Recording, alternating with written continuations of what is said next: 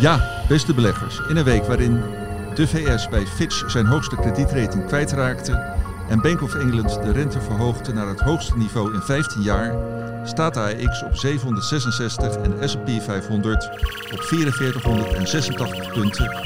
Tijd om te praten over beleggen. Dit is voorkennis. There three ways to make a living in this business. Be first, be smarter, or cheat. No, I don't cheat. Beleggersbelangen presenteert voor kennis.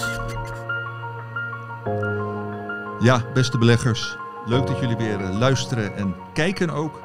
Eh, ik ben Johan Brinkman, mag vandaag weer de presentator zijn. Ik zit hier met mijn collega's Karel Merks en Stefan Hendricks. Met dit eh, duo ga, ga ik ouderwets vier hoofdonderwerpen eh, bespreken. Voorbij komen tractorfabrikanten, een ETF met de duizend grootste Amerikaanse beursgenoteerde bedrijven, een topaandeel uit de defensieindustrie en een van de meest veelbelovende opkomende landen van dit moment. Maar we beginnen zoals altijd met eh, terugblikken en eh, daarvoor hebben we afgesproken dat Stefan gaat aftrappen. Stefan. Bij, bij deze dan, Johan, Ja. dankjewel. Ehm, ja, dat doen we eigenlijk voornamelijk wat mij betreft met bedrijfscijfers. Straks komt de Karel met een eh, meer macro-beeld. Dat zei ik net overigens wat anders, ik had bij macro-beeld. Ehm, te beginnen maar even met de mijnbouwers. Eh, dat is al van vorige week, eh, Rio Tinto en Anglo American. En waarom wil ik daar nou toch nog even op terugkomen? Ik was ehm, eind juni eh, te gast bij een webinar van Saxo Bank om te praten daar over onze hoogdividendportefeuille. En daar kreeg ik de vraag van een van de kijkers: oh, zijn eh, grondstoffenaandelen, bijvoorbeeld een Rio Tinto, niet wat voor die portefeuille? Die hebben toch een heel erg hoog dividendrendement. En dat klopt, hè, dat ligt ergens zo tussen de 6 en de 8 procent. Dus dat is echt hoog, ruim hoog genoeg voor die portefeuille. Ehm, en op die vraag antwoord ik: nou nee, liever niet, eh, omdat het dividend mij iets te variabel is van die bedrijven. Ik niks mis met Rio en misschien ook nog niet met. Maar het dividend is wel heel erg variabel. En hoe variabel werd wel duidelijk bij de publicatie van de halfjaarcijfers. Want ehm, de, de, de netto-winst van ehm, eh, Rio Tinto daalde met 34 procent. Is nog wel 5,7 miljard, dus nog stevig. En van Englo met eh 56 procent tot 1,7 miljard. Dat is ook nog steeds vrij fors. Maar eh, die bedrijven hebben een bepaald dividendbeleid waardoor het dividend meedaalt met de winst. Dus daar is voor de rest niks geks aan, maar betekende wel dat het dividend bij Rio Tinto 34% omlaag ging. We hebben het over het interim dividend. En bij Anglo American 56% omlaag. Eh, nogmaals, het is helemaal conform het dividendbeleid. Eh, Rio Tinto wil eh 40 tot 60 procent van de zogeheten onderliggende netto-winst als dividend uitkeren. Bij Anglo American ligt die grens op 40 procent. Dus wat die bedrijven gedaan hebben is volkomen normaal. Maar dat is dus wel iets waar je als dividendbelegger eh, moet je rekening mee houden. En als je dat dan afzet, ik kijk nu ook met een schuine oog richting Karel, ehm, tegen de oliebedrijven, want ook een totaal, eh, dat is dan degene die ik het meeste volg, ehm, min 39% in de netto winst hè, over de eerste half jaar. Gold trouwens ook voor eh, Rio Tinto en Anglo American, dat waren ook halfjaarcijfers. Ja, bij dividend van Totaal Energie blijft gewoon gehandhaafd. Shell heeft, gooide zijn dividend volgens mij nog, nog 15% omhoog, Karel. Eh, dus dat is wel wat anders. Zelfs Aperam, die er ook met een enorme winstteruggang te maken had, heeft ook het dividend gewoon nog gehandhaafd. Dus dat is wel een beetje het verschil in dividendbeleid tussen dit soort bedrijven en die mijnbouwers. Nogmaals, is niet iets mis met die mijnbouwbedrijven, maar als je een dividendbelegger bent en je wilt, zoals ik, bijvoorbeeld een dividendbegroting maken, eh, en je wilt eigenlijk er wel vanuit kunnen gaan dat je dat dividend ook daadwerkelijk gaat ontvangen, ja, dan is dit wel een beetje het risico van het vak. En dat is nou net iets wat ik niet in die portefeuille wil. Oké, interessant. Nummer 1. dan nummer 2. Ik heb nu het gevoel dat ik een beetje op moet schieten eigenlijk. Maar, eh, Nee, hoeft niet hoor. Doe rustig aan, Stefan. Nummer 2, de halfgeleiders dan. Ehm, en eh, specifiek het aandeel KLE, dat is opgenomen in onze dividendportefeuille. En dat ook eh, al, eh, wat is het, anderhalf jaar een van mijn redactietips is. Eh tikt het ene na het andere all-time high aan, voordat de klad er een beetje inkwam in de financiële markten de afgelopen twee dagen. Meevallende vierde kwartaalcijfers. KLE heeft een gebroken boekjaar eh, met een omzet van eh 2,36 miljard. Nou, dat zal verder wel, maar het ging eigenlijk voornamelijk over de omzetvooruitzichten voor het lopende kwartaal. En dat was 2,35 miljard. En dat was weer wat meer dan eh, analisten hadden gedacht. Eh, want die hadden gerekend op 2,22 miljard. Waardoor dan een beetje de hoop komt van is er dan misschien een bodem bereikt in die halfgeleidersector. Waardoor die uitgaven van halfgeleidebedrijven weer verder gaan stijgen. Die koersen zijn natuurlijk al hard eh, vooruit eh, gelopen. En de KLA is al een, ja, ik vind het sowieso een interessant aandeel. Ik heb er in januari hier al uitgebreid over gehad. Maar het is een aandeel dat moeiteloos het rendement van ASML over een periode van 5 en 10 jaar bijhoudt. Sterker nog, het eigenlijk total return ligt nog hoger van uh, KLA Corp. ASMI en Bezi doen het overigens wel beter over 5 en 10 jaar. Maar het is een, het is een mooi bedrijf. Uh, het is een bedrijf dat ook iets anders doet in die sector. Hè. Het is het, process control heeft men over. Dus het, controleren van de kwaliteit van de wafers en van de chips die daarop gemaakt worden. Een hele specifieke activiteit waarin KLA een enorm groot marktaandeel heeft, absoluut een marktleider is. Dus een, een interessant bedrijf. En vanochtend kwam Infineon uit uh, Duitsland met cijfers. Dat is wel een echte chipmaker. Hè? Dus niet een chipmachinemaker, maar een chipmaker. Daar kukelde de koers uh, 9% vlak na opening naar beneden. Dus ik snel kijk, denk, jeetje, is er nou toch nog uh, helemaal geen herstel in die... Wat, wat hebben die dan wel niet gemeld? Dat die koers zo ontzettend in elkaar klapt. En dat is eigenlijk dat iedereen een beetje schrok van een investering die Infineon wil gaan doen. Van uit mijn hoofd zeg ik 5 miljard euro in een, een, nieuwe fabriek in Maleisië. En dat is natuurlijk eigenlijk alleen maar goed nieuws voor iedereen die um, chipmachines levert waarmee die chips gemaakt worden. En daar zou KLA misschien ook nog wel eens een rol in kunnen spelen. Dus wie weet gaat die, uh, nou ja, gaat die halfgeleide sector nog wat verder uh, weer omhoog. Koersen zijn natuurlijk al wel aardig vooruitgelopen. Ja, wat is die bodem nou bereikt? Of moeten we, ja... Nou, als je kijkt in termen van, van omzet, dan zou je wel zeggen dat dat, uh, dat, dat, dat nu, hè, ik zeg het even vanuit het standpunt van KLA, dat dat wel aardig aan de bodem is. Er wordt eigenlijk nog rekening gehouden met een verslechtering van uh, het afgelopen kwartaal naar het lopende kwartaal. Nou, KLA zegt daar niet van uit te gaan. Nogmaals, het is een redelijk specifieke activiteit, dus je kan niet zeggen dat het voor de hele halfgeleide sector geldt. Maar het was in ieder geval opvallend. Lam Research publiceerde uit mijn hoofd één of twee dagen daarvoor ook de cijfers. En die waren eigenlijk ook goed en ook redelijk optimistisch van toon. Dus een branchegenoot van KLA, ook een wat meer een specialistisch bedrijf. Dus in die, in die hoek ziet het er dan kennelijk nog steeds wel redelijk uit. We zijn nog wel, overigens nog steeds wel ver verwijderd van de piekomzet hoor. Dus de, de piekkwartaalomzet van KLA was, uh, lag net onder de 3 miljard. was het tweede kwartaal van het afgelopen boekjaar. Dus, dus daar zijn we nog niet. Maar enige vorm van stabilisatie, nou, dat wordt kennelijk al heel erg toegejuicht. Oké, hartstikke goed. Onderwerp 2 was dat. Nou, nog eentje dan. Um, en dat is uh, Bayersdorf vanochtend met cijfers. Een uh, Duitse producent van uh, huidverzorgingsproducten met natuurlijk het bekendste merk Nivea. Um, en daar moest ik eigenlijk wel weer onmiddellijk denken aan aan Menno. Ik heb maanden geleden in een, uh, een podcast gezeten, Menno, uiteraard over dividendbeleggen. En daar hebben we het ook even gehad over Bayersdorf. Ja, nou, daar zat ik ook bij. Dus ik ja, alleen nou, uh, ja, help me herinneren oh, wat, ik, wat toen gezegd werd. Ik net jou vragen, joh, dan weet jij vast nog wel wat nou eigenlijk zo bijzonder was. Ja, maar ik vind het leuker als je, jij kan het leuker vertellen, Stefan. Oké, okay, nou, daar gaan we dan. Nee, Bayersdorf had uh, cijfers die boven verwachting waren. Koers 3% hoger, winstmarge hartstikke goed. Uh, het eerste wat ik vanochtend over, over, tegenkwam was een rapport van Bernstein met de titel: uh, Ja, uh, extra winst is mooi, maar wanneer krijgen wij als aandeelhouders nou eens wat extra? En dat was ook Dividend blijft altijd gelijk. Juist, ja, dat was hem, ja. ja. Kom ik back to you. Nou ja, zie je, dus dat, is, dat was ook de portée van het verhaal van Menno. Uh, Bayersdorf heeft een bijzonder dividendbeleid, heeft ook een bijzondere aandeelhoudersstructuur. Dus ze keren al jaren en jaren en jaren en jaren achter elkaar, in ieder geval vanaf 2012 Hetzelfde dividend uit, 70 cent per aandeel, komt geen verandering in. En ja, die, die analist van Bernstein die vroeg zich af, ja, wat, wat is nou, hè, wat is nou de, de bedoeling van al die winsten uh, maken, al die cashflows genereren, zonder dat het nou echt, hè, wanneer komt het nou eens in de vorm van cash naar ons als aandeelhouders toe? Nou, ik denk dat je daar nog lang op kan wachten, want um, de familie Hertz, uh, die heeft uh, 52% van de aandelen van Bayersdorf in handen. En die hebben er daar de facto voor het zeggen natuurlijk. Dus ik vermoed dat het nog wel, ondanks dat Bayersdorf wel meer zou kunnen. En um, ja, misschien ook wel eigenlijk meer zou moeten. Dat ze toch niet echt meer gaan doen. Denk ik. Maar, nou, betrouwbaar is het uh, wel. Dankjewel uh, Steffen. Uh, Karel, jij gaat dan het macro, de macro-omgeving schetsen. Klopt. We hebben natuurlijk afgelopen week de downgrade gehad van de Verenigde Staten. Volgens Fitch is het geen triple E meer, maar EE. Plus. En de vraag is van uh, hoe relevant uh, is dat voor beleggers? Ik zal eerst de mening van Warren Buffett geven en daarna die van mezelf. En Warren Buffett zei van vorige week kocht ik voor 10 miljard dollar aan Amerikaanse staatsobligaties.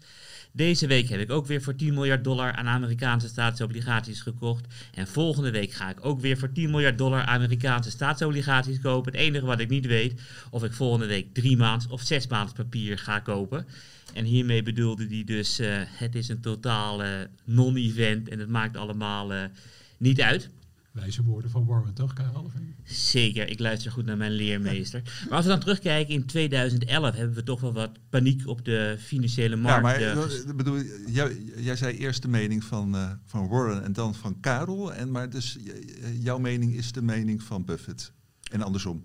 Andersom. Alleen Ja. ik wil eerst even duidelijk vertellen van waarom er best wel wat angst is gekomen gisteren en eergisteren, dinsdag en woensdag, op de eh, financiële markten. Dat was bij de eerste downgrade van de Verenigde Staten door kredietbeoordelaar S&P in 2011. Toen ging de S&P 500 in vijf dagen met ruim eh, 13% onderuit. En ehm, dat was een event en dit is een, een non-event. En de reden daarvoor is, in 2011 was het namelijk zo dat op het moment dat een van de drie grote kredietbeoordelaars geen AAA meer had voor staatsobligaties, kon je die bij bepaalde financiële transacties niet meer gebruiken als onderpand. Bijvoorbeeld bij het beleggen met margin door hedge funds eh, of grote institutionele partijen.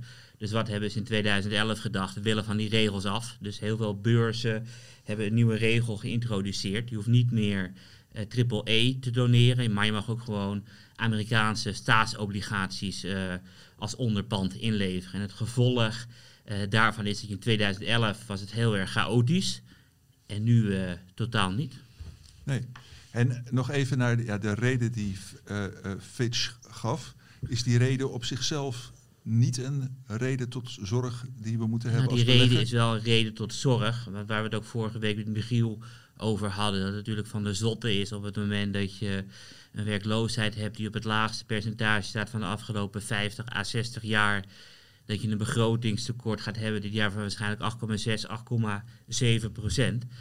Eh, en, als, en Fitch waarschuwde ook voor dat hoe de debt ceiling eh, een paar maanden geleden eh, noem maar net werd opgelost om 5 voor 12. Er zijn gewoon zoveel extreme meningen tussen links en rechts. En straks komt de Amerikaanse politiek er niet meer uit. Dus het is wel een reden tot zorg. Ja, en, maar dat eh, is iets wat we vorige week natuurlijk ook hadden. Ja, en waar we het natuurlijk wel eerder eh, over hebben gehad. En zie je nou eh, ook andere kredietbeoordelaars eh, ja, stappen nemen de komende periode? Volgens mij heeft geen enkele Amerika op een negatief bord staan. Dus eh, volgens mij is het die andere is dan eh, Moody's. Ja. Die heeft hem op neutraal. Ja. En vaak zie je wel dat kredietbeoordelaars de markt niet willen verrassen. Dus eh, je gaat eerst van neutraal naar een negatieve outlook. En vervolgens eh, ga je naar beneden. Dus Fitch had al een, een negatieve outlook. En ik geloof dat ik daar drie of vier weken geleden ook met Stefan over had gepraat over eh Boots Alliance. Van, die staat op een negatieve outlook. Dus waarschijnlijk gaat er wel een keer wat gebeuren. Dus ik denk dat het antwoord niet binnenkort is, Johan. Nee, dat denk ik ook niet. En de, ja, die reden van Fitch hè, voor die eh, verlaging nu van die credit rating voor de VS, inderdaad van, eh, de, de dysfunctionaliteit van het politieke systeem. Het is ook niet echt nieuw natuurlijk. Hè. Eh, dus we hebben nu al recent die onderhandelingen gehad over dat schuldenplafond. Dat Ging niet makkelijk. Ging niet makkelijk, maar gaat eigenlijk al, al jaren niet makkelijk. Het is altijd een terugkerend thema. shutdown, hè? dus het, het dichtgaan van de Amerikaanse overheid, omdat er simpelweg eventjes geen geld is. Dat is vermeden, maar die hebben we in het verleden al wel gehad. Ja, zeker 95 met Clinton. Ik herinner me dat de dierentuinen dichtgingen toen. Ja, en maar recenter volgens mij ook nog een keertje dat er, eh, dat er nog een, een, een gedeeltelijke shutdown was.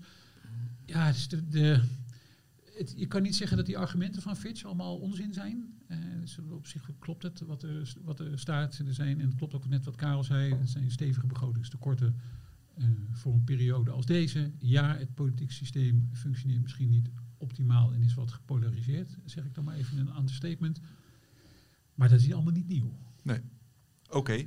Karel, wil jij nog andere dingen bij je terugblik noemen? Zeker, nog meer macro-ontwikkelingen. Eh, we zagen dus deze week ook dat de 30-jaars rente in de Verenigde Staten weer begint te stijgen. Dus vandaag op donderdag hebben we 4,27 eh, gezien. De hoogste stand van de afgelopen jaren is eh 4,42 en die komt dus redelijk snel dichterbij. En vooral de rente op de lange termijn is belangrijk, omdat dat eh, ja, een hogere rente kan leiden tot een lagere waardering eh, van aandelen. Dus het is wel heel opvallend dat die rente weer begint te stijgen en eh, nu in de buurt komt van de hoogste punten van de herfst van 2022. Ja, en, en wat is daarvan de achtergrond, van, dat het nu weer begint te stijgen? Eh, Ik ben heel nieuwsgierig eh, naar de mening van, van Stefan ook. En ik denk een van de redenen is dat de Amerikaanse economie echt heel erg goed draait. Het begint ook steeds beter te draaien. Want op het moment dat je kijkt naar de eh, surprise indices van Citi, die laat zien dat de Amerikaanse economie het meest positief verrast. Dus het grootste verschil tussen de gemiddelde analistenverwachting en de werkelijke uitkomst van cijfers in eh 2,5 jaar tijd. Dus eerst was het harde landing, zachte landing en nu is het eh, geen landing. Dus de Amerikaanse economie dendert door. En je ziet nu ook bijvoorbeeld zaken als eh, nieuwe orders zie je stijgen. Je ziet her en der de inflatiedruk weer wat toenemen. Bijvoorbeeld commodities beginnen te stijgen. Dus ik denk gewoon dat het positieve economische ontwikkelingen zijn. En Stefan heeft even kunnen nadenken. Eh, ja, zeker. Nou, dat, hoeft in dit geval niet echt heel erg diep. Eh, Wat, wat jij zegt klopt volgens mij. En daar als toevoeging nog bij dat het winstcijferseizoen vooralsnog ook niet echt aanleiding geeft tot een opeens heel erg negatieve inschatting van eh, de economische ontwikkelingen in de VS. Je hebt natuurlijk altijd je ups en downs in alle bepaalde sectoren die het eh, beter en slechter doen. Maar het is niet zo dat naar aanleiding van dit cijferseizoen nu opeens gezegd, oh, nu gaat het echt helemaal mis, want je ziet het ook allemaal links en rechts terug in alle bedrijfscijfers. Dat is eigenlijk niet zo. Oké, helemaal top. En dan hebben we dus die Amerikaanse economie draait echt veel beter dan verwacht. Alleen het opvallende is, daar ben ik ook nieuwsgierig aan de mening van Stefan, is dat de Europese economie echt heel veel slechter draait dan eh, gedacht. Dus als je dan kijkt naar de Europese economische prijsindex, die staat echt op min 120. En het is echt heel erg slecht. Dat hebben we alleen gehad eh, in de mondiale financiële crisis en tijdens eh, de start van de coronapandemie. En als je dan eh, de verhouding neemt tussen wat is het verschil tussen de Amerikaanse index en de Europese index. En meestal is het nul, omdat de verwachtingen meestal wel waar worden gemaakt. Zijn verwachtingen te hoog, dan worden ze naar beneden bijgesteld, et cetera. Die hebben een verschil van ruim 200 punten. En dat is alleen in 2008 voorgekomen. Dus het is echt heel erg opvallend hoe analisten veel te laag zitten in de Verenigde Staten en echt eh, veel te hoog in Europa. Ja, dat is een, eh, daar heb ik ook even over na kunnen denken. Maar dat is, dat is dan wel weer een wat eh, moeilijke kwestie. Wat ik me kan bedenken is dat... kijk, Europa is natuurlijk veel meer uit het lood geraakt door die enorme energieprijzen. En toen die meevielen, misschien ook weer heel erg veel optimistischer geworden. Van nou, het pakt nu veel beter uit, misschien voor consumentenbestedingen. En, en dat nou, is misschien wel een beetje zo-zo. Eh, dus misschien dat veel consumentenbedrijven hier ook ehm, uiteindelijk wel hun prijzen proberen te verhogen. Maar dat volu verkochte volumes niet zo heel erg sterk zijn. Ik zag het bij Air Liquide bijvoorbeeld ook. En ook bij Linde. Europa ook wel hun zwakste deel was. Dus ook de industriële activiteit is hier toch nog steeds, ondanks dat die energieprijzen wel natuurlijk gigantisch zijn teruggekomen, toch nog helemaal niet terug op die niveaus van daarvoor, denk ik. Zie, ik lees natuurlijk veel Duitse pers, daar wordt ook heel veel geklaagd over, eh, over de ontwikkeling van industriële productie. Onder chemie is daar natuurlijk een heel belangrijk ding van. Daar wemelde het wel. Dat is wel een sector waar we natuurlijk heel veel winstwaarschuwingen hebben gehad. Daar heb ik het in de podcast ook al over gehad. Heel veel chemiebedrijven waar het, waar het wel serieus misging. Ja, we hebben ook net de DSM in eh, Nederland natuurlijk nog gehad. Dus dat, dat zou een aanleiding eh, kunnen zijn, denk ik. Dat ongeveer even zo snel het enige wat ik nu kan eh, verzinnen. Nou, Ja, en eh, wat ook weer opvallend is, vandaag donderdag kwam ook Zwitserland met een PMI uit, dus de inkopersmanagers voor de industrie, van een hoge 38. En dat was de ena laagste stand ooit. eh. en dan gaan we door met het allerlaatste punt, want de afgelopen week is ook wel weer een hoop eh, gebeurd. Want vorige week vrijdag zorgde de Centrale Bank van Japan eh, voor een verrassing. Die is nog meer aan het afscheid nemen van yield curve control. Dus de 10-jaarsrente mag in Japan nu wat eh, vrijer gaan bewegen. Nou, de rente schoot in één keer naar eh, 61 basispunten. En dat was afgelopen maandag was dat eh, genoeg voor de Bank of Japan. Dus ik kwam met een onaangekondigd opkoopprogramma. Dus ik stopte nog maar een keer een paar miljard dollar omgerekend eh, in de Japanse staatsobligatiemarkt. En vandaag donderdag was er weer een onaangekondigde opkoopoperatie. Dus ik ben heel nieuwsgierig hoe dat gaat. En als je dan kijkt naar de Japanse yen ten opzichte van de euro, die is van 134 naar eh, 157 gegaan over het afgelopen jaar. En staat nu op de hoogste stand, eh, de euro JPI, sinds 2008. Dus ook dat is eh, opvallend. Eh, heel snel even, Karel, wat heb jij afgelopen weken geschreven voor ons magazine? Ehm, nou ja, een van mijn aandelen waar ik fan van ben, ook een redelijk grote positie privé. CME Group. Eerste kwartaal ging, dit, ging de omzet ten opzichte van het kwartaal een jaar eerder met 10% omhoog. Dat vond ik echt heel erg opvallend. Omdat, het- wat was het kenmerk van het afgelopen tweede kwartaal? Er was geen bewegelijkheid. Dus de Amerikaanse eh, volatiliteitsindex van aandelen, de FIX, die was gemiddeld eh 16 in het tweede kwartaal. En als je dan kijkt naar de gemiddelde fix in het tweede kwartaal van 2020, was die 27. Dus echt van flinke onrust naar de rustigste aandelenperiode sinds lange tijd. En een bedrijf van CME dat het moet hebben van toenemende bewegelijkheid weet de omzet met 10% eh, te laten groeien. Dus daar was ik positief verrast over. Oké, gaan we in de show notes eh, zetten. Steffen, eh, wat heb jij afgelopen week geschreven? Nou, de meeste tijd ben ik bezig geweest met de halfjaarcijfers van Pfizer.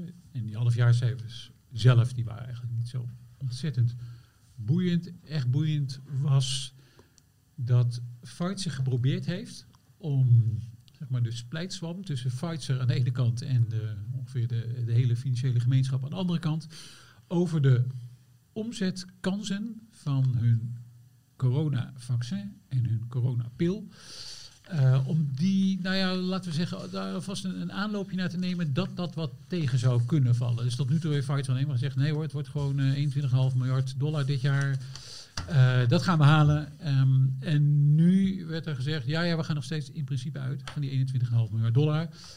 Maar mocht het nou tegenvallen, later, dan weten we dat in het eh, derde kwartaal. Dus op het moment dat wij onze derde kwartaalcijfers gaan publiceren, dan hebben wij ook echt een hele goede inschatting van hoe die corona-omzet, zal ik het nog maar even noemen, zich zal gaan ontwikkelen. Niet alleen voor eh, 2023, maar eigenlijk dan ook een beetje voor de jaren daarna. En ja, ik weet niet precies wat het management nu probeerde, maar het, het idee was kennelijk dat eh, ehm, eh, om de financiële gemeenschap een beetje gerust te stellen.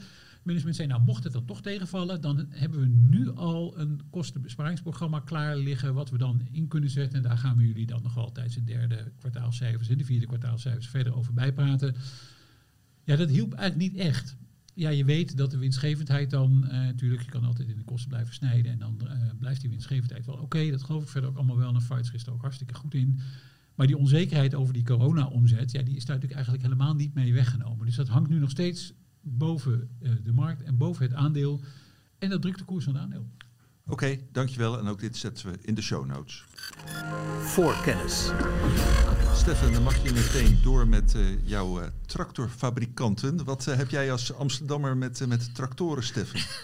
Ehm, nou, ik ben niet in Amsterdam geboren, dus ik ben import Amsterdammer. Dus dan, dan ik, kom oorspronkelijk uit het oosten van het land. Althans, Oh, nou, dat verklaart het. Kunnen we door naar het volgende hoofdonderwerp of wil je er verder nog wat over zeggen? Nou, nee, dat is, ja, ik heb daar maar heel kort gewoond, dus, dat- dus we, dus we zouden door kunnen. Maar misschien kunnen we het dan toch hebben over een aantal Amerikaanse tractorproducenten. Want dat is een stuk interessanter dan waar ik vandaan kom.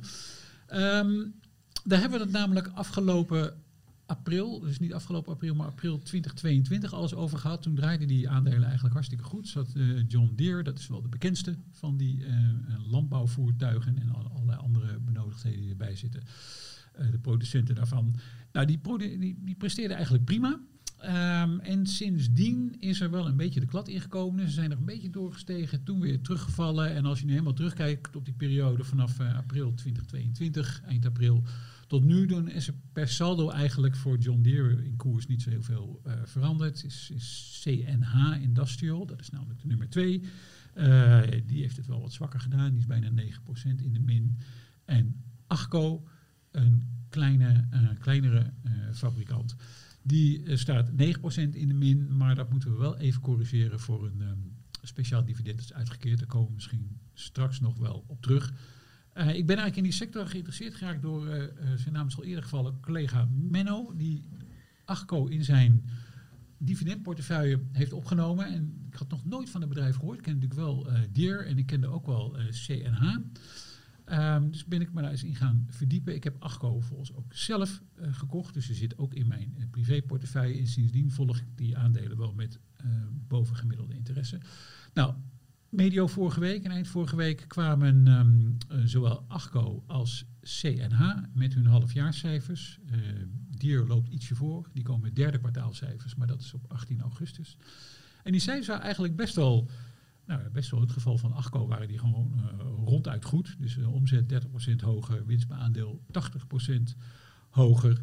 De verwachtingen voor de winst per aandeel voor het um, uh, lopende jaar verhoogd van 14,40 dollar naar 15,25 dollar. Dus dat was hartstikke goed. Winstmarge fors omhoog.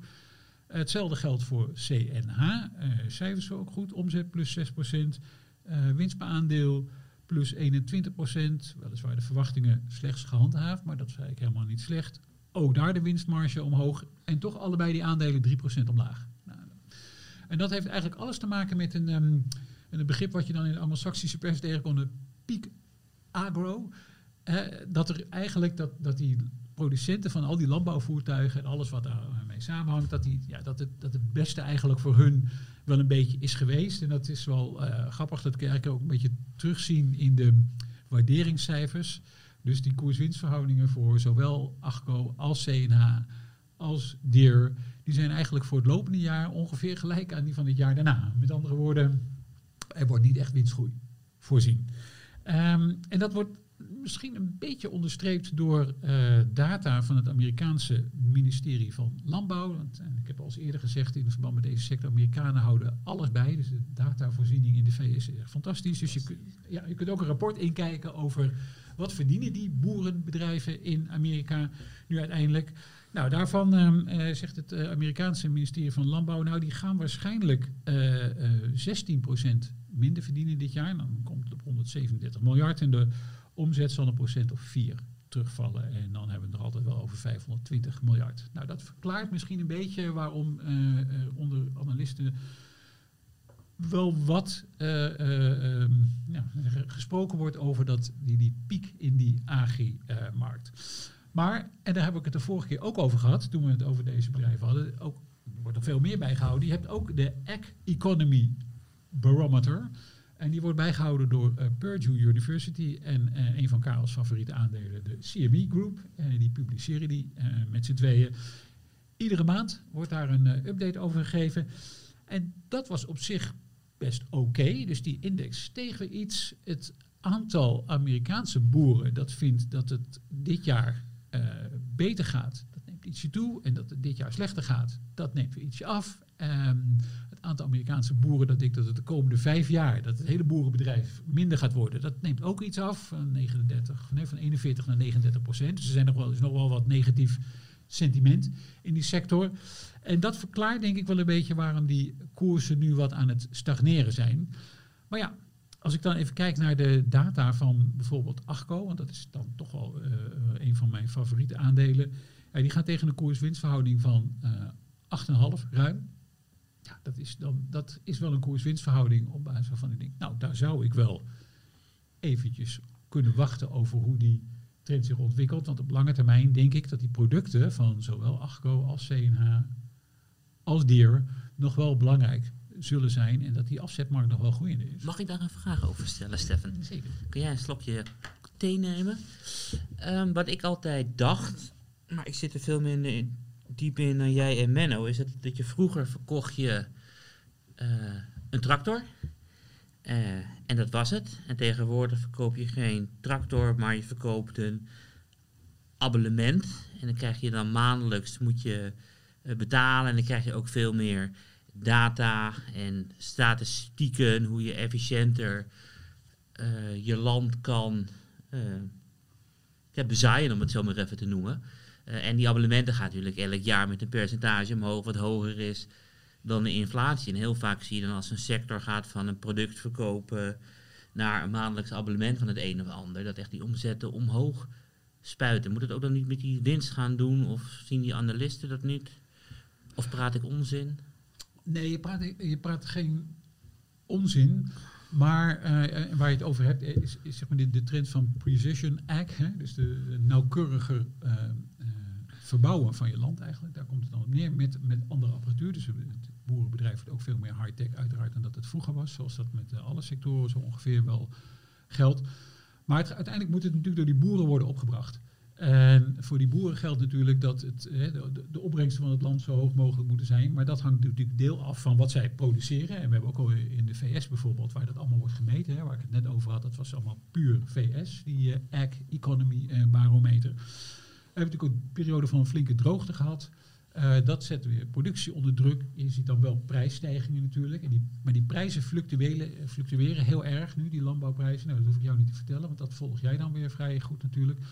En dat zorgt weer voor onzekerheid bij die boeren. En zodra je dan natuurlijk onzekerheid hebt, dan is het maar de vraag van hoeveel wil je uiteindelijk nu gaan besteden? Hoeveel wil je gaan investeren in nieuwe apparatuur? Want dat is natuurlijk wel van belang. Je moet maar als boer willen door blijven investeren in die nieuwe apparatuur en betere apparatuur. Bijvoorbeeld een uh, heeft dan ook nog een bepaald merk erboven gezet, wat dan nog wat, net wat duurder is. Dus dat, dat speelt er allemaal wel een rol bij. En dat betekent dus ook dat, dat je niet het is niet bijna, nee, er is geen enkele sector denk die bijna in de rechte lijn omhoog gaat. Maar dat geldt dus ook niet voor dit soort bedrijven. Het zijn geen, laat ik maar zeggen, Air Liquides of Lindes. Dit soort bedrijven wel degelijk te maken met de, gewoon de cycliciteit van dat hele landbouwbestaan.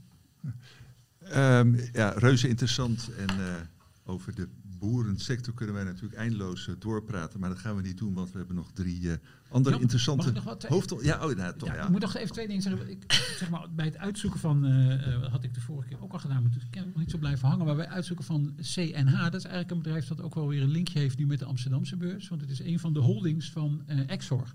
Oké. Okay. Um, en, um, dat, Investeringsmaatschappij met belangen in auto-industrie, in ieder geval van de familie Uh, Agnelli, Agnelli. Van, uh, Elcom Fiat. tegenwoordig van Fiat. Ja. Um, en die hebben, um, wat is het, 27% van de aandelen en 43% van de stem in handen. Dus dan weet je een beetje wie het bij CNH voor het zeggen heeft. Maar ik vond het ook nog wel leuk, ja, het is verder totaal niet relevant, maar ik vind het toch wel leuk om het even te noemen. In de, als je dan zo'n beetje rondkijkt op die site, en wie, wie zit er nou allemaal in het bestuur, kwam ik ook nog um, Howard Warren Buffett tegen als een van de commissarissen bij CNH. En dat is de kleinzoon van Warren.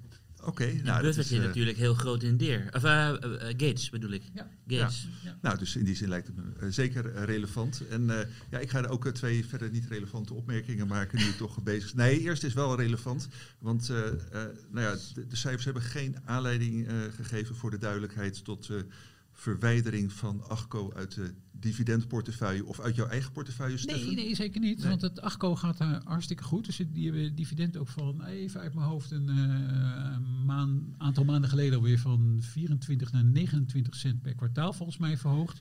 Je kent het bekende verhaal van uh, Menno al daarover. Het dividendrendement als zodanig is niet zo spectaculair, hè, maar Achco keert iedere keer ook een speciaal dividend uit. Dat is ook de reden waarom, die, waarom een wat groter koersverlies eventjes had. Dat is namelijk 5 dollar per aandeel.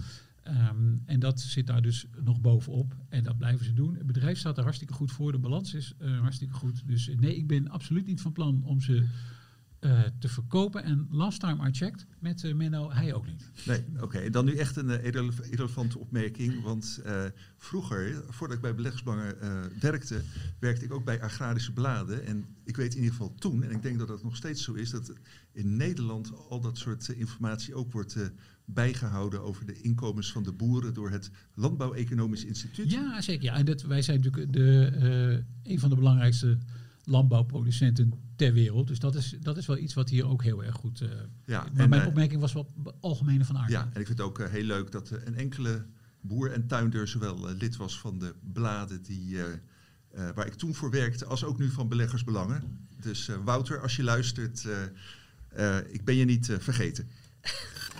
Voorkennis.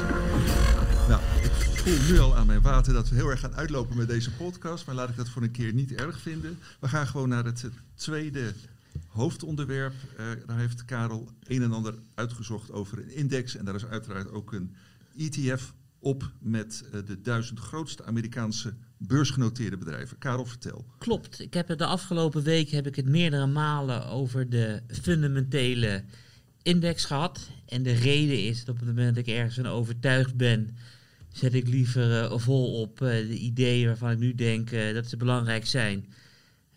dus een extra toevoeging erop. De, de fundamentele index. Ja, klopt. Dus de fundamentele index gaat dan op basis van boekwaarde, omzet, cashflow, en, uh, en dividend, in tegenstelling tot uh, een gewone index, uh, wat gaat op basis van marktwaarde. Het is alweer een tijdje geleden dat we de laatste grootste doorbraak hadden van indices. Dat was in 1957 met de introductie van de S&P 500. Want voor de tijd van de S&P 500 was het gebruikelijk dat het gewicht van een aandeel werd bepaald op basis van de aandelenprijs. En dat gebeurt trouwens uh, nu nog steeds uh, in de Dow Jones. En voor 1957 uh, eh, was het dus bijna overal zo. Het geeft best wel vreemde ja, wegingen. Ik heb van de week nog eventjes gekeken naar, naar Chevron. Oliebedrijf heeft een aandelenkoers van 160 dollar. En Goldman Sachs heeft een aandelenkoers van 351 dollar. Dus op basis van prijsgewogen. Nou ja, weegt uh, Goldman Sachs uh, ruim dubbel zo zwaar mee in de index uh, dan Chevron. Alleen Chevron is drie keer groter dan, dan Goldman Sachs. Alleen nou ja, 17 jaar geleden hebben we weer een nieuwe doorbraak gehad in indices. Dus de fundamentele indices. En ik heb afgelopen week. Maar heet, heet die zo fundamentele indexes? Of, nou ja, je hebt, je hebt marktgewogen ja, ja, indexen okay, je en je hebt fundamentele. Ja. Maar zijn er verschillende van? Dat bedoel ik eigenlijk. Ja, er zijn er verschillende van, maar de bekendste is uh, Ravi van de Research uh, Affiliates, staat die afkorting voor. En van deze partij heb ik afgelopen week ook een, uh, een presentatie gezien. En wat ik het interessante aan die presentatie uh, vond, is dat de fundamentele index van Ravi dus van de duizend grootste Amerikaanse aandelen helemaal is teruggerekend uh, tot 1962.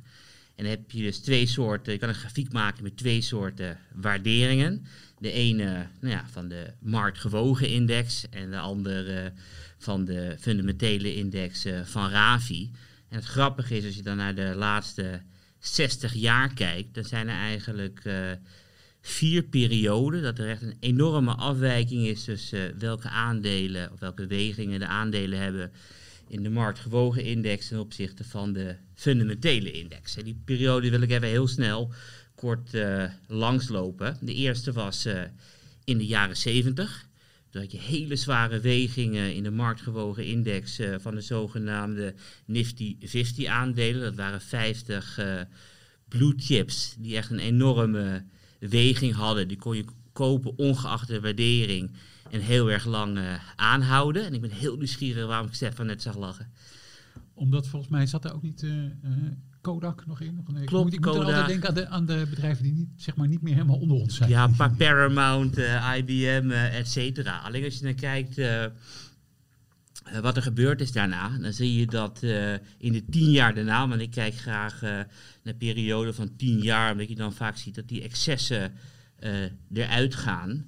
Dan zag je dus dat de marktgewogen index met 120% is gestegen en Ravi met, uh, met 300%. Dus dat is een stuk beter uh, voor de fundamentele index. Volgende extreme punt was in het jaar 2000. Daar waren de afwijkingen weer enorm groot tussen die twee verschillende indices. Nou, we weten allemaal wat er na 2000 gebeurd is. De S&P uh, 500 had tussen 2000 en 2010 een verlies geleden, inclusief dividend, van 10%. En de fundamentele index van Amerikaanse aandelen stond uh, ruim 75% uh, eh, hoger. Dus bijna een verschil van 90 uh, procentpunt. Derde punt, wat, en dat was echt de periode ja, waardoor ik echt fan ben geworden van fundamentele indices. Want in 2010 was er weer een enorme afwijking tussen wat er in fundamenteel zat en in de markt gewogen index. En juist 2010 tot 2020 staat bekend als uh, de tien jaar dat de rente naar nul is gegaan. Dat er uh, hele grote bedrijven een hele zware weging krijgen in de S&P 500. Denk aan de Facebook, Apple, Netflix, Google, de zogenaamde FANG-aandelen, wat in 2014 begon. Dus het was echt een periode van goede groei van de winstgevendheid. Groeiaandelen stalen de show. Maar als je dan kijkt naar de rendementen tussen 2010 en 2020, heeft de fundamentele index wel verloren, maar net 250 uh, voor de marktgewogen index en 243 voor de fundamentele index. Dus bijna hetzelfde in de beste periode ooit volgens mij voor, uh, voor groeiaandelen. Kijk, en de vierde periode is nu. En um, slechts uh, 6% was de tijd, was de afwijking nog groter tussen marktgewogen en fundamenteel. En dat is ook de reden waarom ik uh, uh, zelf ook voor Amerikaanse aandelen in de fundamentele index uh, beleg. En mij leek het leuk om deze puntjes nog even aan te stippen. Want als ik ergens van overtuigd ben, neem ik positie in en dan hoor je me erover. Ja, en die, uh, de reden dat het nu die afwijking ook heel erg groot is, Karel? Ik denk dat het AI is. Dus beleggers kopen de Microsoft, de Nvidia's, et cetera. En ik denk dat het ook meespeelt, dus dat er steeds meer belegd wordt in ETF's van mensen die dus niet een individueel aandeel kopen, maar de index. En dat betekent ook dat je standaard dus als de weging van Microsoft en Apple een procent of 12 is, dat betekent dus van elke 100 dollar die je inlegt, dat 12, 12 dollar automatisch naar die twee bedrijven gaan. En die, die, nu is het weer de, ja, het zijn vier perioden van de afgelopen 60 jaar met een heel duidelijk verschil. En ik denk. Uh, maar wat, zegt het uh, volgens jou over de aandelenmarkt van nu? Uh, waarschuwt dat beleggers ergens voor? Of is, moet het juist een aanmoediging zijn? Ik denk geen van beide. Want ik bedoel, stel je hebt bijvoorbeeld de periode 2010, 2020 was het gewoon echt een hele goede periode uh, voor aandelen. Echt een bovengemiddeld uh, goede, goede periode met 250% rendement gemiddeld. En je mag verwachten dat aandelen op een periode van 10 jaar een procentje of 100 stegen. Dus het wil niet per se zeggen dat het een slechte uh, periode is halverwege de jaren 70 was wel een slechte periode. En tussen 2000 en 2010 ook. Maar ik denk niet dat het een, een garantie is dat we een, een slechte periode ingaan. Het is alleen een garantie dat beleggers op dit moment meer inzetten op verwachte groei dan op de cashflows die bedrijven genereren. Ja, maar ik heb niet gekeken, maar ik denk dat zo'n Argo, zo'n tractor, waar aandeel waar, Stefan het over had, mij lijkt dat het aandeel veel zwaarder meeweegt in de fundamentele index dan uh, marktgewogen. We hebben een KW van 8,5 en uh, speciaal dividenden en dividenden die omhoog gaat, is het een bedrijf dat echt een hele duidelijke economische voetafdruk heeft met, uh, corrigeer me als ik ernaast zit, Stefan, geen verwachting voor de toekomst. En in de zwaarste aandelen in de S&P 500 of de Russell 1000 is echt heel veel verwachting ingeprijsd. Ik ga het wel, wel opzoeken, ben wel benieuwd wat het verschil is in weging.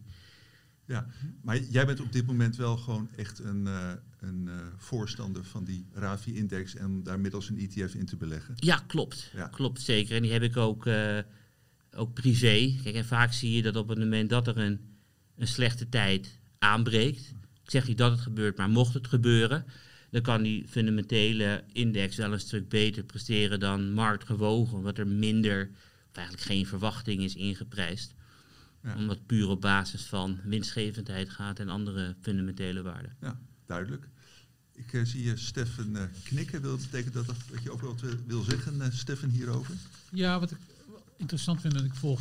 Ik heb ook een boek destijds gelezen hè, van Rob Arnott. De oprichter. En zijn collega. En zijn collega Jason Zhu, de oprichters van Research Affiliates. de kritiek meestal die op hun research komt, is dat het eigenlijk zo'n RAVI-index niks anders is dan een verkapte waardeindex. He, daar komt het eigenlijk een beetje neer. Dat, dus dat de verklarende factor gewoon vooral is of je aandelen wel of niet duur kopen. Nee, dus inderdaad, het is, het is waarde. En het wordt ook met value vergeleken. Het is inderdaad zoals, volgens mij was het Warren Buffett of zijn meester Benjamin, die zei van het is uh, voor 50 cent een dollar kopen. Oké, Punt. punt. Goed. Voorkennis. Hoofdonderwerp eh, nummer drie. Ik uh, kondigde het aan als dat we uh, gaan praten over een uh, topaandeel in de defensiesector. Steffen, kun jij de naam van dat aandeel onthullen voor de mensen die dat nog niet raden? ja, zeker. Maar ik, zo direct eigenlijk. Dat is, Oké, okay, je houdt de spanning erin. Nou, de spanning er een heel klein beetje in. Want dat de Europese defensiesector heel erg in de belangstelling staat sinds de oorlog in Oekraïne in februari vorig jaar is het alweer is uitgebroken. Nou, dat is natuurlijk een ongelooflijk open deur. Maar degene die daar het hardst van geprofiteerd hebben in Europa zijn defensiebedrijven uit de landen waar het defensiebeleid het, de grootste ommezwaai gemaakt heeft. Of moest maken eigenlijk. En dat zijn eigenlijk Duitsland en Zweden geweest. Dus wat zie je? Dat Rijmetaal en Henselt uit Duitsland en Saab uit Zweden. Die hebben echt extreem spectaculaire koersrendementen uh, geboekt. Dus dat zijn echt de koerswinsten van tussen de 140 en 170 procent in, uh, nou laten we maar even zeggen, zo ongeveer anderhalf jaar tijd. Dat is echt heel erg spectaculair. Um, maar Europa's grootste en uh, meest gespreide defensieconcern, ook wel hard opgelopen, 65 procent, maar veel minder, maar is toch, en dat bedrijf wil ik eigenlijk gaan toelichten, toch ook eigenlijk een heel interessante belegging. En nu zullen we inderdaad de naam noemen. Het gaat om BAE Systems uit Engeland. Uh, bedrijf dat um, gisteren, woensdag, de halfjaarscijfers publiceerde. En daar was eigenlijk gewoon weer alles goed bij. En ook alles een beetje zoals je van een bedrijf van deze omvang mag verwachten. Want de beurswaarde van uh, BAE Systems is nou, meer nog dan die van uh, Henselt, um, en Saap bij elkaar opgeteld. Het is echt een joekel van een bedrijf, BAE Systems. Hele mooie halfjaarscijfers. Omzet 11% hoger, winst bij aandeel 21% uh, hoger. 21 miljard pond aan nieuwe orders. Een orderboek van meer dan 66 miljard pond. Dus dat is ongeveer, als je het even omrekent, zeg maar 2,5 jaar, dik 2,5 jaar uh, omzet. Uh, ja, en het gaat met, zo goed met het bedrijf dat alle verwachtingen worden ook omhoog gegooid. Dus de verwachting voor de winst per aandeel over het lopende jaar gaat van 5 naar 7, wordt die verhoogd naar um, uh, 10 tot 12. Nou, dat is op zich ook allemaal mooi, maar ik ben vooral als hoogdividendbelegger, want BAE Systems maakt ook deel uit van onze hoogdividendportefeuille. Heel erg geïnteresseerd in of ze dat dan ook om kunnen zetten in free cashflow, want dat heb je natuurlijk nodig om een cash dividend te kunnen betalen. Nou, dat gaat ook enorm goed. 1 miljard aan free cashflow in de eerste half jaar. En dat is meestal wat zwakker half jaar. Ook die verwachtingen weer omhoog gegooid voor de periode 2023, 2025 zijn die verwachtingen met 500 miljoen pond verhoogd. Dus nu verwacht BAE over die periode 4,5 tot 5,5 miljard pond aan free cashflow te genereren. Nou, dat maakt allemaal duidelijk hoe dit bedrijf draait. Um, ja, daar profiteer dan als aandeelhouder ook van. Dat is natuurlijk wel belangrijk, want daar denkt BAE Systems ook aan. Dus het interim dividend ging met um, uh, 10,6% omhoog. En, en dat vond ik op zich wel een interessant bericht, het aankoopprogramma, het aandeleninkoopprogramma van anderhalf miljard, dat al aangekondigd was, is nog niet eens helemaal klaar. Daar zitten ze nu op ongeveer 1 miljard pond daarvan, is afgerond. Maar nu is alweer een nieuwe aangekondigd. Nog een keertje uh, anderhalf miljard pond daaroverheen. Ja, dat zegt denk ik alles over, uh, over hoe dit bedrijf loopt.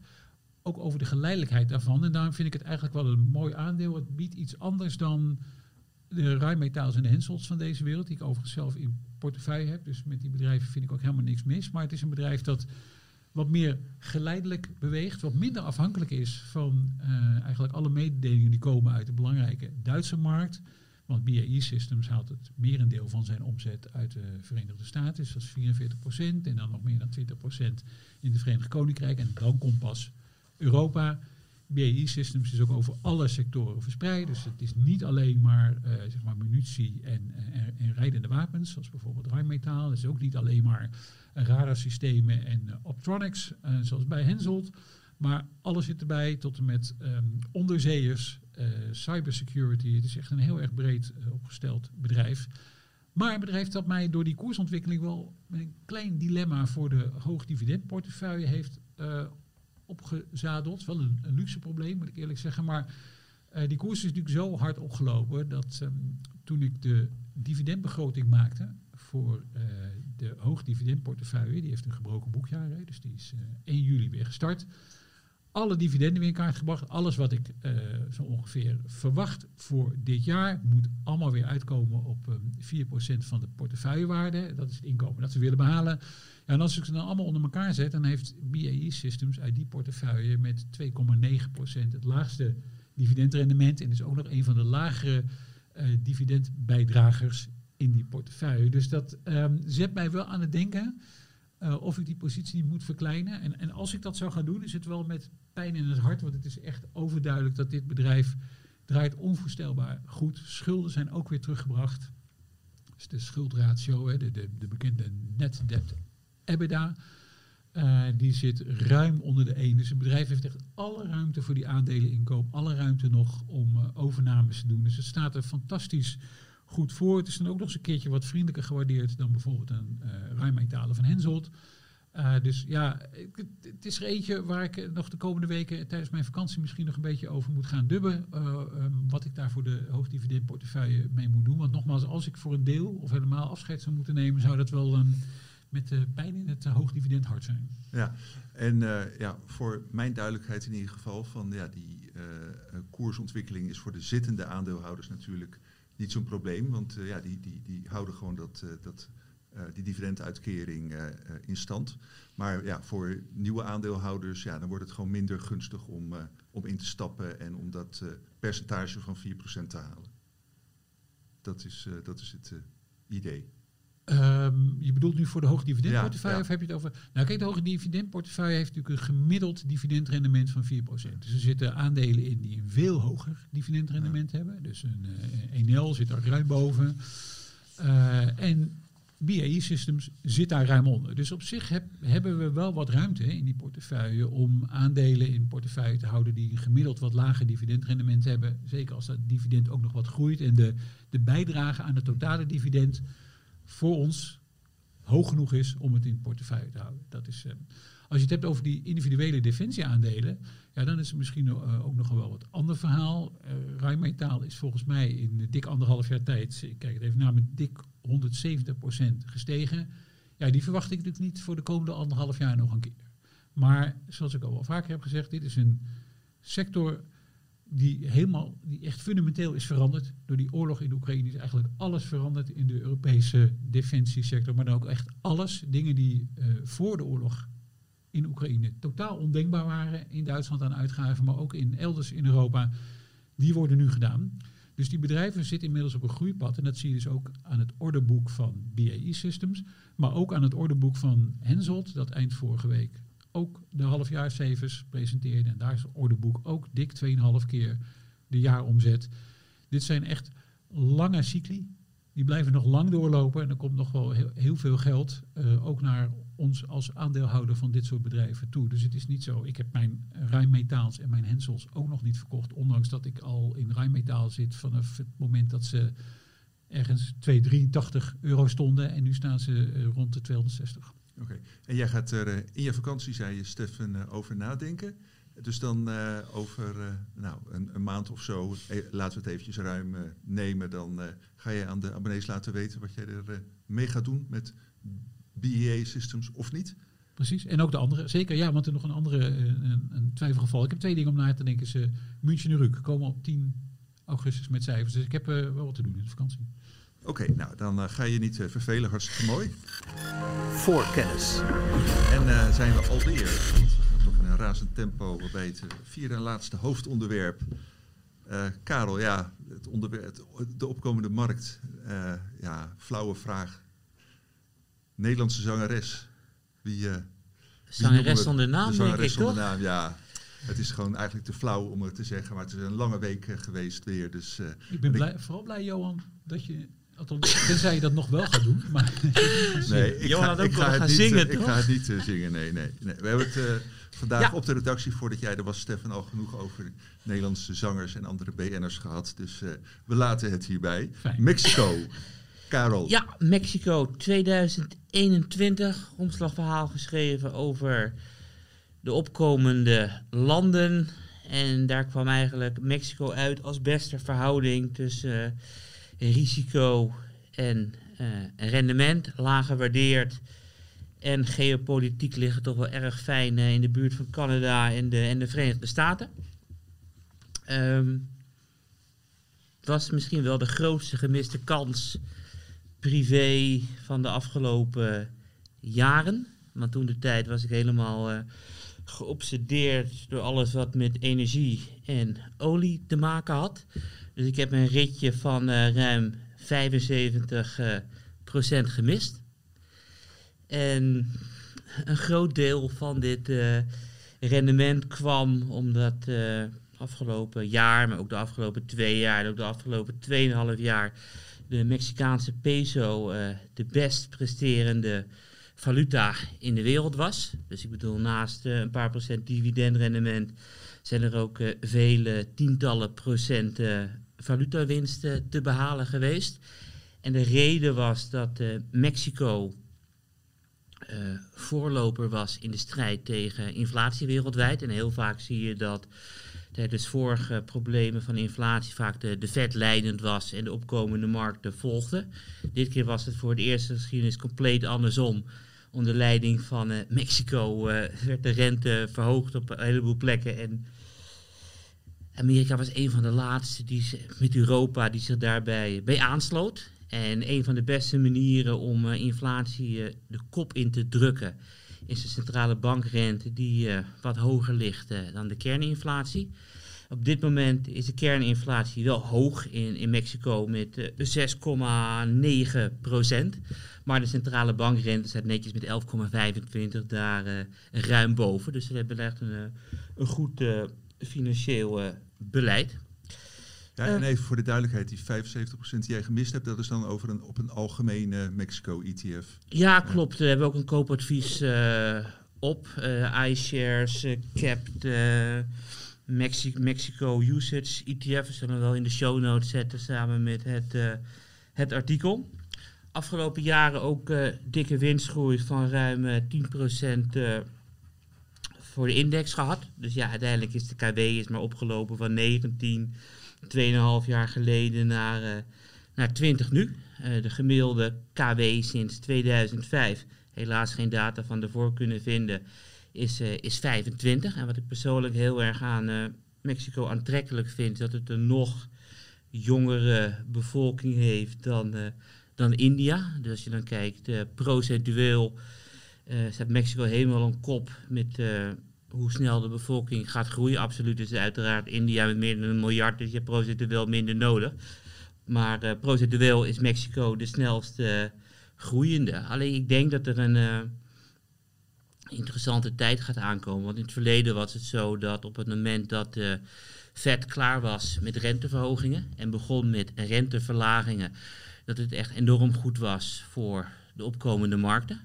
En de reden daarvoor is dat eh, de ontwikkelde wereld heeft best wel een grote middenklasse. Dus ook heel veel vraag komt uit de middenklasse vandaan. De opkomende markten hebben dat nog niet overal. Dus op het moment dat de Fed de rente verlaagt, eh, wordt financiering in dollars wordt eenvoudiger. Daarbij wordt ook meteen export eenvoudiger, omdat de wereldhandel nog steeds in dollars gaat. En daardoor zie je vaak, eh, als de Fed klaar is met renteverhoging, dat het goed is voor de opkomende markten. Dus eigenlijk is het ja, een beetje balen, want ik had ze wel eh, willen hebben, maar Ja. ik heb ze niet. Nee, maar je, je noemt eh, eh, ja, dan de, de, zeg maar in het algemeen de, het financiële klimaatrentebeleid van de Mexicaanse centrale bank als, als positief. Maar kun je ook uit die, uit die ETF ja, een paar topbedrijven noemen die ja, op zichzelf ook gewoon interessant zijn om, om in te beleggen? Nee, Nee. Nou, Karel, dat antwoord geef je bijna nooit. Ik denk bij, eh, bij Mexico, eh, zat er ook niet, eh, wordt er ook niet veel bier verkocht? Of hebben ze niet een grote bierbrouwer? Nee, nou ja, ik... Kijk, weet je, ik heb het mooie van beleggen in, in, in landen is of in wereldwijde aandelen. dat is de, de spreiding. Hetzelfde met die fundamentele index. Het hoofdidee is fantastisch. En als je die vraag eerder had gesteld, had ik het uitgezocht. ja, Maar ik heb, ik heb geen idee. Nee, en ik nee, zeg liever nee, geen idee dat ik nu een slap ouwe hoer vertel over bierbrouwers of... Nee, nee, geen dat, idee. dat, eh, dat moet je zeker niet doen. Maar, eh, maar goed, jij weet eh, volgens mij wel heel erg goed welke bedrijven de zwaarste weging hebben in de, de S&P 500, om maar wat te noemen. Dus ik ben ook wel gewoon benieuwd. Klopt. Als je En- dan en, en, en, Mexico- en wat ook meespeelt is, dat zegt, zei Stefan ook twee onderwerpen geleden over de tractor. Op het moment dat jij je eigen geld erin stopt, dan ga je alles volgen. En dan wil je gewoon weten wat zijn de grootste bedrijven, et cetera.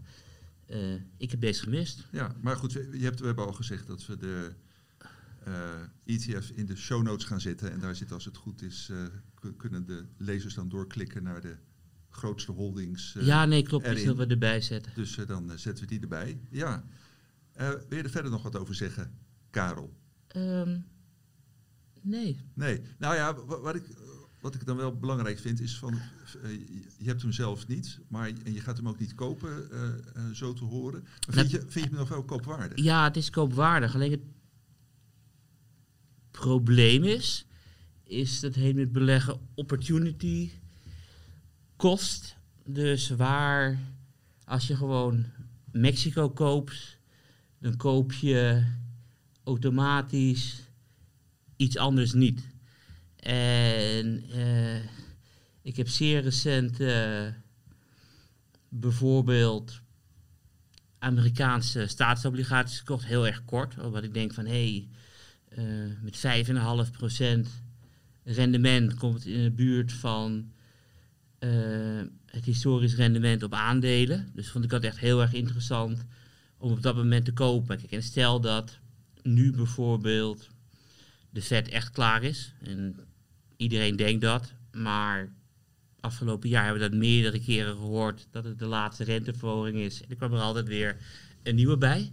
Dus iedereen onderschat Powell. En ik ken niemand die zegt van uh, die te veel renteverhogingen heeft uh, voorspeld. Iedereen is te voorzichtig. Maar stel dat hij werkelijk klaar is, uh, dan vind ik korte staatsobligaties van de Verenigde Staten minder interessant. Dus dan ga ik die positie verkopen.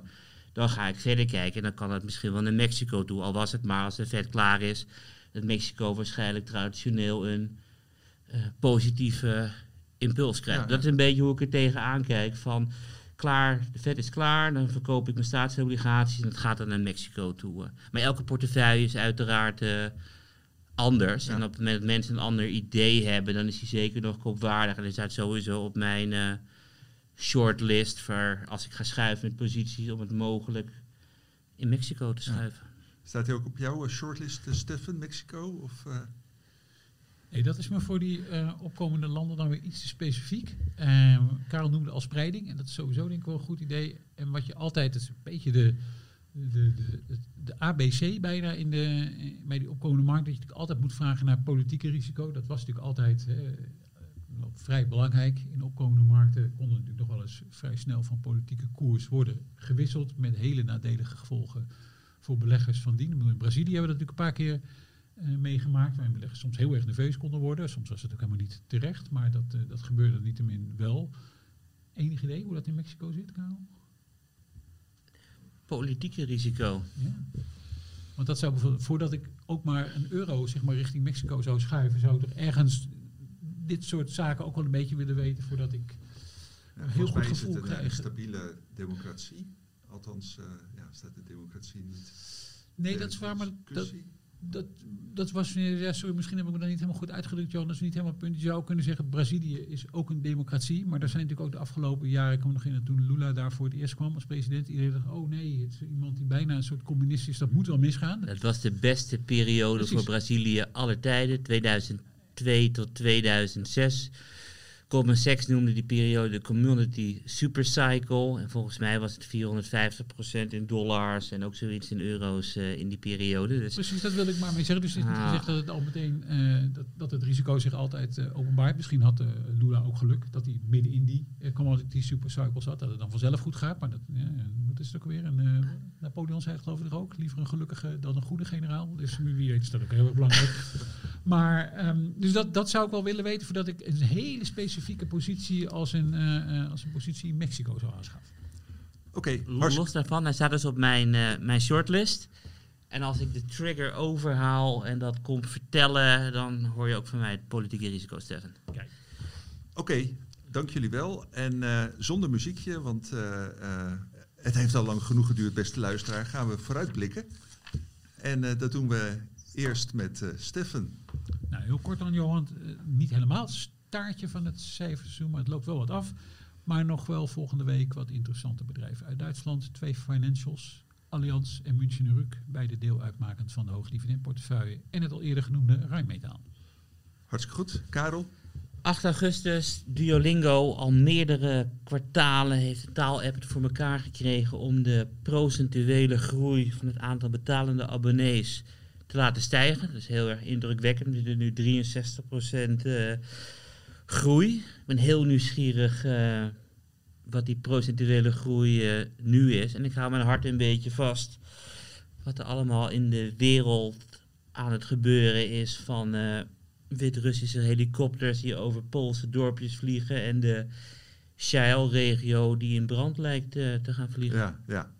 Karel, je hebt helemaal gelijk. En ik wou toch nog even met een vrolijke noot eindigen. Want je bent niet alleen een belegger in Duolingo, maar je bent er als persoon ook heel erg actief op. Kun je dat als uitsmijter van deze uitzending nog met de luisteraars delen?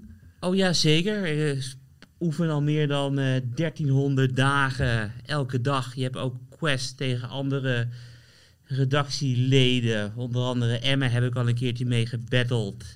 En uh, ze is onder de indruk hoe fanatiek ik aan het leren ben. Want dan moeten we 75 lessen doen voor extra punten. Zij doet er drie en ik 72. Karel, nou, dat is. Uh, en uh, de, de, de luisteraar-kijker kan dus ook uh, actief met Karel gaan battelen in Duolingo ja, als hij of zij dat wil. Ja. nou, hartstikke bedankt, Karel Steffen, voor deze niet alleen heel interessante, maar ja, wat mij betreft ook een vermakelijke uitzending. Ik, hoop, ik hoop niet te melig, maar dat, dat horen we dan vanzelf wel. Uh, dank jullie wel uh, nogmaals. Volgende week zit ik hier met uh, Karel Merks. En nou ja, zijn naam is al een paar keer genoemd. En ik noem hem nog een keer Menno van Hoven, die dan terug is van, van vakantie. en ja, mocht u vragen hebben voor Menno of voor Karel, stel ze op voorkennis.beleggersbelangen.nl. tot volgende week en we gaan afsluiten.